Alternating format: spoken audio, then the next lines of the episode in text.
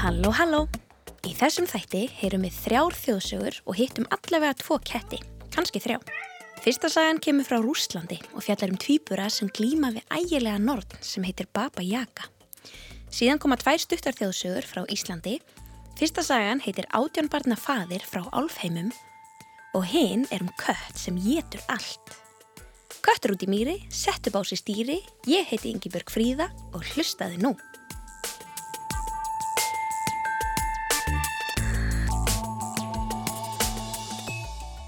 Ég heiti Terri Gammal og kenni þjóðfræði í Háskóli Íslands. Þjóðsaga er fyrst og fremst saga sem er sögð af mönnum um, og fer milli manna, milli svæða, milli landa og getur verið þá lifandi í, í, í þúsund árum. Þannig að þjóð, þjóðsögur eru sögur sem fólk í þjóðinni segir eða, eða hópur af fólki segir um, og sög til skemmtunar en sínir oft trú okkar og langanir að leiti.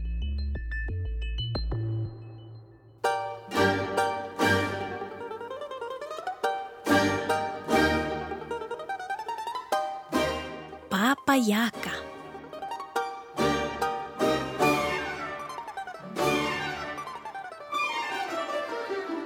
Það er lífsæk saga í Austur-Európu og Rúslandi að gömul norn að nafni Baba Yaga búi einhver staðar í skóinum og býði eftir því einhver tínist eða rekist óvænt á kofaninnar sem stendur á hænsnafótum og er girtur grindverki úr beinum. Skráargatið á hurðinni er gert úr beittum tönnum. Ef hún nærði þér mun hún geta þig og bæta beinunum þínum í grindverkið. Og uppáhaldsmáltíðin hennar? Lítil börn. Við skulum byrja söguna. Einhver staðar, ég get ekki alveg sagt nákvæmlega hvar, en einhver staðar í Rúslandi bjó kotbóndi með konu sinni. Þau áttu tvíbura, strák og stelpu. Eitt veturinn varð konan mjög veik og lág lengi þar til hún lést.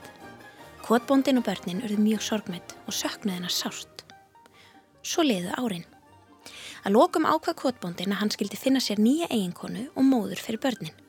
Hann giftist nýri konu, hún var stjúpmóður týpuruna og svo eignuðist þau fleiri börn saman. Fadurinn elskaði öll börnin sín en átti alltaf sérstakt samband við eldstu börnin, týpuruna. Og það fór í taugarnar á stjúpmóðurinni sem leiði eins og börnin hennar ætti ekki jafn gott samband við föður sín og þau. Með tímunum fór hún að verða leiðilegu týpuruna. Skammaði þau mikið og leti vinna erfiðisverk á heimilinu og sendi þau í langar sendiferðir til að vera sem lengst í burtu. Hún gaf þeim bara afgangsmat að borða. Að lokum vildi hún losna við þau fyrir fullt og allt. Vitiði hvernig það er að leifa svona andstekilegri hugsun að skjóta rótum í hugamanns? Hún breyðir úr sér og með tímanum eitrar hún svo út frá sér að allar góðar hugsanir hverfa. Og þannig var það orðið í huga stjúpmóðurinnar, svo hún ákvaði að senda þau burt til norðnarinnar í skóginum, Baba Yaga, sem myndir sjá til þess að þau kemur aldrei aftur heim. Kæru börn, farið þið til ömmu minnar sem býr í skóginum. Kofi hennar mun ekki fara fram hjá ykkur því hann stendur á hænsnafótum. Gerið allt sem hún byður ykkur um að gera og hún mun gefa ykkur góðgæti að launum.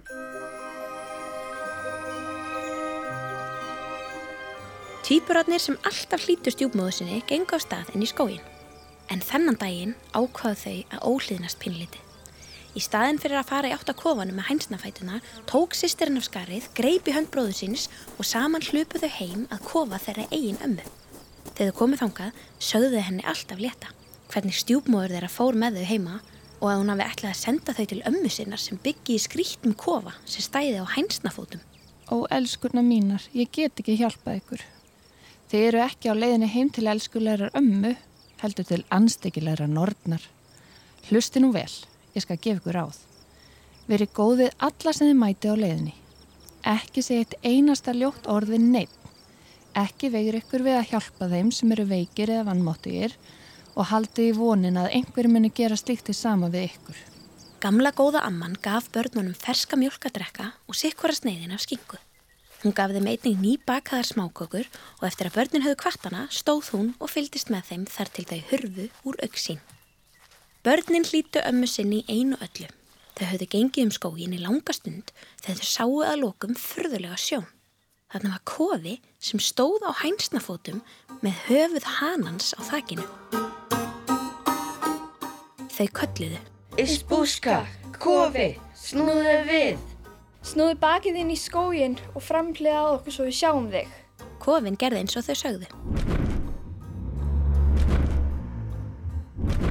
Tvíburarnir lættust upp á honum og gæðust inn um gluggan. Þau sáu ægilega konu.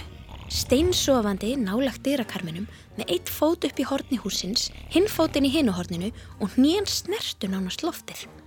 Hún rumskaði. Ha, ég finn fyrir rúsnenskum anda í húsinu mínu. Börnin voru hrætt, heldust í hendur og stóðu þjætt saman. Þrátt fyrir óttan sögðu þau. Hæ, amma. Við vorum senda á stjúbokkar til að þjóna þér. Allt í lægi. Ég hef ekkert að móti því að halda ykkur hérna börn. Ef þið uppfyllir alla mínar óskir, þá verðlauna ég ykkur ríkulega. Ef ekki, þá muni ég ykkur upp til lagna. Og um leið byrja hún að skipa þeim fyrir. Hún sagði stúlkuna að setjast í rokkin og byrja að spinna þráð. Strákurinn átt að bera vatn í stóru sikti og fylla baðkarðinar. Greiði börnin þau gretu við störf sín. Stúlkan satt á spann þegar allt í einu byrtist lítil mús sem týsti til hennar. Elsku stelpa mín, ekki gráta. Gefðu okkur smákökur og við munum hjálpa þér. Hún gerði það. Jæja, farðu nú út og fyndu svartan kött. Hann er mjög svangur. Gefðu nú sneið af skingu og hann mun hjálpa þér. Stelpan hljóp út og leitaði kettinum. Hún sá þá bróður sinn vinna hörðum höndum að því að reyna að fylla stórt baðkar með gödóttu sikti. Sama hvað hann fór marga ferðir, þá var baðkarið alltaf þurrt. Littlir fugglar flögruðu hjá. Góðhjörtuðu börn, gefa okkur mólað kroppa í og við munum gefa ykkur góða ráð. Þau gerðu það og þakkláttir fugglarnir sögðu. Finnið leir og vatn, elsku börn. Svo flugu þeir burt. Börnin skildu vísbendinguna. Þau grófu ofan í jörðina og fundu leir, bleittu hann með smá vatni og þjöppuðu ofan í siktið. Síðan fylgtu þau baðkarið á skotstundu. Þau gengu tilbaka að kofanum og hittu í dyrgættinni svartan kött. Þau gáfu honum vel að borða af skingunni sem góða amman hafði gefið þeim. Síðan klöppuðu þau kísa og spurðu. Kæri köttur, svo fallega svartur, gerðu það. Segð okkur hvað við þurfum að gera til að sleppa burt frá henni hörðu húsmóður. Sko, sagði svarti kötturinn með alvarlegri röttu. ég mun gefa ykkur handklæði á kamp, síðan verðið að hlaupa burt. Þegar þið heyrið að nortin hleypur á eftir ykkur, hendið á handklæðin á jörðina og risastór á mun spretta upp í stað handklæðisins. Ef þið heyrið í hinn aftur, hendið kampinum á jörðina og í stað hans mun byrtast dimmur skóur. Skóurinn mun vernda ykkur gegn norninni vondu. Í sömu andrá gekk Baba Jaka inn og virti fyrir sér dagsverk barnana. Hún sagði, Hmm, þetta gátuði leist vel, en á morgun býður ykkar enn erfiðara verkefni. um nóttina lágu þau í rúmum sínum og þorðu varla að anda af hræðslu. Þetta voru ekki mjúk og hlý rúm, búin af góðhjartaðri ömmu. Nei, þetta voru hörð strárúm í köldu horni. Dæin eftir skipaði Baba Jaka þeim að vefa nýrumfött og bera inn risastór klass af eldi við því úr skóginum. Börnin gripu þá hangklæðið og kampinn og ruka á dyr. Þau hlupu eins hratt og fætur þeirra tóguðu. Baba Jaka sendi fyrst hundan á eftir þeim.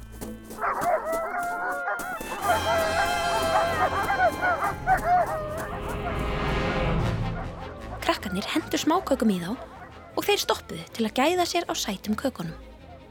Þau hljöpu lengra þar til þau komuð að stóru hliði. Hliðið opnaðist ekki. Þá tóku þau smávegis af ólíu og bára á hjarinnar og hliðið opnaðist. Birki trían slóist í andlita á þeim svo stelpan tók borða úr hári sér og battið niður. Brátt komist þau lengra og lengra og hlupu út úr myrkum skólinum á sólbakaða akra. Á sama tíma áttaði Baba Jaka sig á að börnin voru horfin. Hún fór til kattarinn sem lék sér að niklinum sem stúlkan hafi verið að vinda upp. Hvar eru börnin? Hvers vegna sleftur þeim svikulu köttur? Hvers vegna klóraðir þú þau ekki framann? Öskraði hún og byrjaði að slá köttin. Kötturinn svaraði. Það er vegna þess að ég hef þrælað fyrir þig í mörg ár og þú hefur aldrei gefið mér bita að geta. Börnunum voru mér góð og gáðu mér ljúffenga skingu. Baba Jaka skammaði þá hundana, hliðið og byrkitrið við stígin. Hundarnir sögðu. Þú ert svo sannarlega húsfreyja okkar en þú hefur aldrei gefið okkur sætan bita fyrir velunnin störf. Börnin voru okkur góð. Hliðin sögðu. Við erum alltaf tilbúin að þóknast þér, en þú hefur vanrækt okkur, svo við höfum styrnað upp. Börnin voru okkur góð og smurðu hjarinnar með ólíu. Birkitrén sögðu. Þú hefur aldrei skreitt okkur með ljósum eða forðum, en elsku litlu börnin gerðu það og bundu greinar okkar með fallegum borða. Baba Yaga öskraði á gremju og hljópa á stað á eftir börnunum. Fylgdi sér svo mikið að hún tók ekki eftir því að hangklæðið og kampurinn voru horfin. Hún hljópa á stað. Þegar hún nálgæðist börnin heyrðu þau másið í henni og köstuði niður hangklæðinu. Þá spratt upp gífurlega stór á. Þegar Norðin komað anni leitaði hún lengi eftir árbakkanum að grunnum stað til að vaða yfir. Hún fann hann að lokum, óð yfir á skítum tánum og hljópa af stað. Þegar hún nálgæðist börnin aftur kastuðu þau niður gullkampinum sem samstundið svarð að risavöksnum og myrkum skógi. Þar sem rætur trjána fléttuðust saman, greinarnar flæktust í hver annari og trjátopparnir snertust. Nornin ringdi hvað hún gat að koma sér í gegn en fann hverki leið. Hún gafst að lókum upp og snýri aftur heim uppfull af gremju. Börnin hlupu heim til föður síns og sögðu honum alltaf leta. Hann var alveg bálreiður og sendi hinn að vondu stjúpmóður burt. Hann tók öll börnin sín í fangið og hétt því að fylgjast vel með þeim alla tíð og passa að ekkert ílt hendi þau framar. Og hvernig veit ég að þessi sagur sönn? Nú, sá sem saði mér hana sá þetta með eigin augum.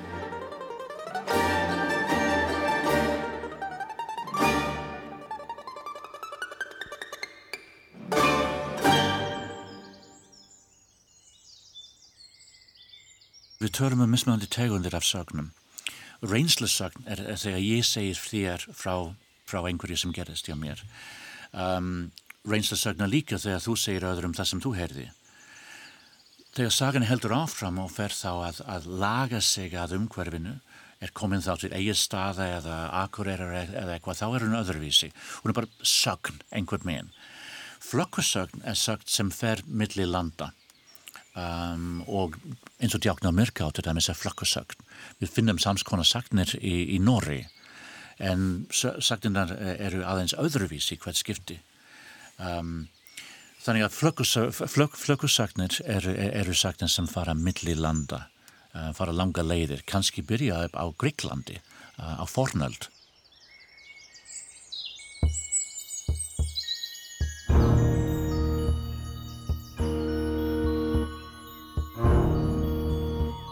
Átján barna faðir í álfheimum.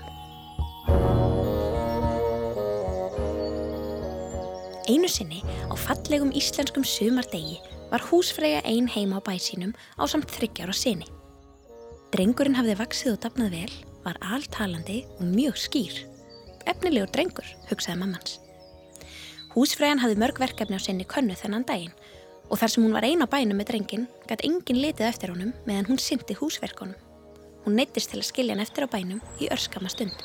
Rétt á meðan hún skaust niður á læknum til að þvó mjölkurtrógin. Segir ekki meira af drengnum fyrir en konan kom aftur eftir daggóða stund. Þegar hún talaði við hann, öskraði hann tilbaka og æfti yllilegar en hún átti von á. Því oftast var hann mest í príðist drengur, fægur og ljúfur. En nú fekk hún ekkert við hann ráðið og aðeins heyrðist í honum óhljóðin. Líður nú svo litið frá þessum atbyrði en barni helt áfram að öskra og æpa. Hann hætti líka að tala, varð ákaflega uppstökkur og vælinn svo konan vissi ekki hvað hann átt að gera. Drengurinn hlíti engu sem hún sagði og let eins og fíbl. Þetta ángraði móðurna mjög og hún ákvaði að leita sér hjálpar. Hún talaði við nágrannakonu sína sem þóttu vera mjög vitur og ráðagóð og sagði henni frá öllu sem hafi gerst. Nágrannakonan spurði hana hversu lengi barni hafi látið svona og nákvæmlega hvenar henni þótti breytingin hafa orðið. Móðir drengsins sagði henni frá deginum þegar hún þurfti að skilja hann eftir einan heima. Þegar nágrannakonan hafði heyrt alla sólasöguna, sagði hún. Heldur ekki góða mín að drengurinn sé umskiptingur? Mig grunar að sonur þinn hafi verið tekinn og annað bann sett í hans stafa meðan hann var einn á bænum. Ég veit ekki, hvernig get ég komist að því? Þú skal skilja barnið eftir eitt heima einhver daginn og skilja eftir einhver hlut eða eitthvað sem það hefur aldrei séð áður á bænum. Ef þetta er umskiptingur þá myndu heyra hann tala þú skalt fela þig á góðu stað þar sem þú heyrir vel til. Ef þeir þykir orðbræðan skrítið og dulafullt þá skaltu taka vöndin og húðstrykjan þar til eitthvað gerist. Að svomæltu skildu þær við hvoraðra þakkaði móðurinn nágrannakonunni fyrir heilræðin og fór heim. Þegar hún kom heim sett hún lítinn pott á mitt eldhúrskólið. Síðan tók hún allar trésleifarnar sínar, skeiðar og hnífapör, batt þau saman í svo langt prigg að það stakst út um strömpin á húsinu og let standa í pottinum á gólfinu. Síðan náði hún í drengin, sett hann á eldhúsgólfið og gekk út. Hún stóð á hleri þar sem hún gætt gegst inn í eldhúsið. Stutt eftir hún faldi sig, sá hún að barnið fór að vappa í kringum pottin og virðan fyrir sér. Svo heyrir hún barnið tala. Nú er ég svo gamall sem á grönum á sjá, átján barna faðir í álfheimum og hef ég þó aldrei séð svo langan gaur í svo lítilli grítu. Hún snaraðist inn í eldhúsið með vænan vönd, tók umskiptingin og skellt honum yfir hnið á sér. Svo lamd hún hann sundur og saman með vendinum. Æft hann þá óurlega. Þegar konan hafði strykt hann um hríð, sá hún að ókunnu kona kemur inn í eldhúsið með sveinbarn á handlegnum. Hann var fallegur og fríður. Ókunna konan sagði við móðurina. Ójamt höfumst við að. Ég dilla barni þínu, en þú berð bónda minn. Að svo mæltu sett hún drengin niður sem samstundis hljóp í fangumóður sinnar. Álfkonan tók svo bónda sinn burt með sér og sáust þau aldrei framar.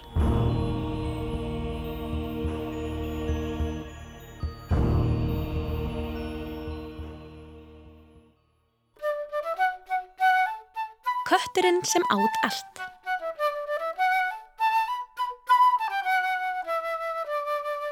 Einu sinni voru þrýr bræður sem byggu á bakka í Svarfaðardal. Þeir voru ekki skörpustu nývarnir í skúfunni, eða hreint út sagt ekki sérstaklega gáðir. Það er til margar sögur af þeim bakkabræðurum, Gísla Eirki Helga. En þar sem við höfum talað mikið um ketti í þessum þætti, þá er viðægandi að enda á einni kattar sögu. Köttur út í mýri og allt það. Einu sinni voru þeir bræður á ferð, fótgangandi um sveitina. Þeir mættu þá manni sem hafði dýr í fanginu sem þeir höfðu aldrei séð. Gísli spurði. Hvað heitir þetta dýr og, og til hvers er það haft? Nú, þetta er köttur. Hann drefur til dæmis mís og allskynns meindýr og heldur þeim fyrir utan mannahús. Er, er hann til sölu? Spyr þá Eiríkur. Já, en svona gæða gripur eins og þessi köttur selst ekki ódýrt. Svo setti hann upp þeiknar hátt verð. Bakkabræður genguðu kaupunum og fóru stoltir heim með kísu. Þegar heim var komið uppgötuðu bræðurnir þeir höfðu glemt að spyrja mannin hvað kötturinn æti. Þeir snýru við og leitiðu upp í heimili mannsins sem seldi þeim köttin. Þeir fundu hvergi ingangin á húsinu svo þeir príluðu upp á glögganum og bönguðu hátt. Manninum sem satt í róliheitum í hægindastól heima á sér og las í bók brá svakalega þegar Helgi kallaði. Heyrðu, við glemdum að spyrja þig. Hvað getur kötturinn? Hvað, kötturinn? Og hann getur allt. Þeir fóru svo heim og hugsuðu lengi um það sem maðurinn hafi sagt. Úf, kötturinn getur allt. Hann lítir þá að geta bræður mína. Hugsuðu þeir hver um sig.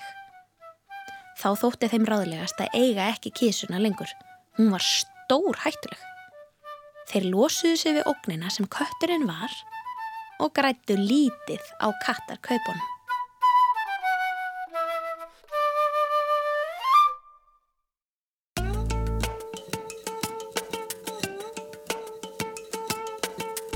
Æventýri enda, enda oft með formúlu af einhverju tægi. Uh, á, á ennsku þá, þá heyrum við and, so, and, and they all lived happily ever after. Á Íslandi er, er mjög sett á sér stýri, sem byrjar bara í, í, í æventýri og rýmu frá 17. og 18. öld. En engin veit að hverju þetta er, er notað í enda, æventýr. Það er bara svona? Það er bara svona. Svona eru þjóðsugur. Í næsta þætti heyrum við þjóðsögu frá Nígeríu, Noregi og Íslandi. Terry Gunnell, þjóðsögu sérfræðingurinn okkar, segir okkur líka frá þjóðsögu söpnurum.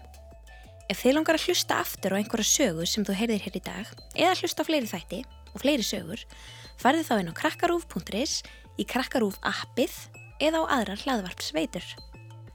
Þanga til næst, takk fyrir að hlusta!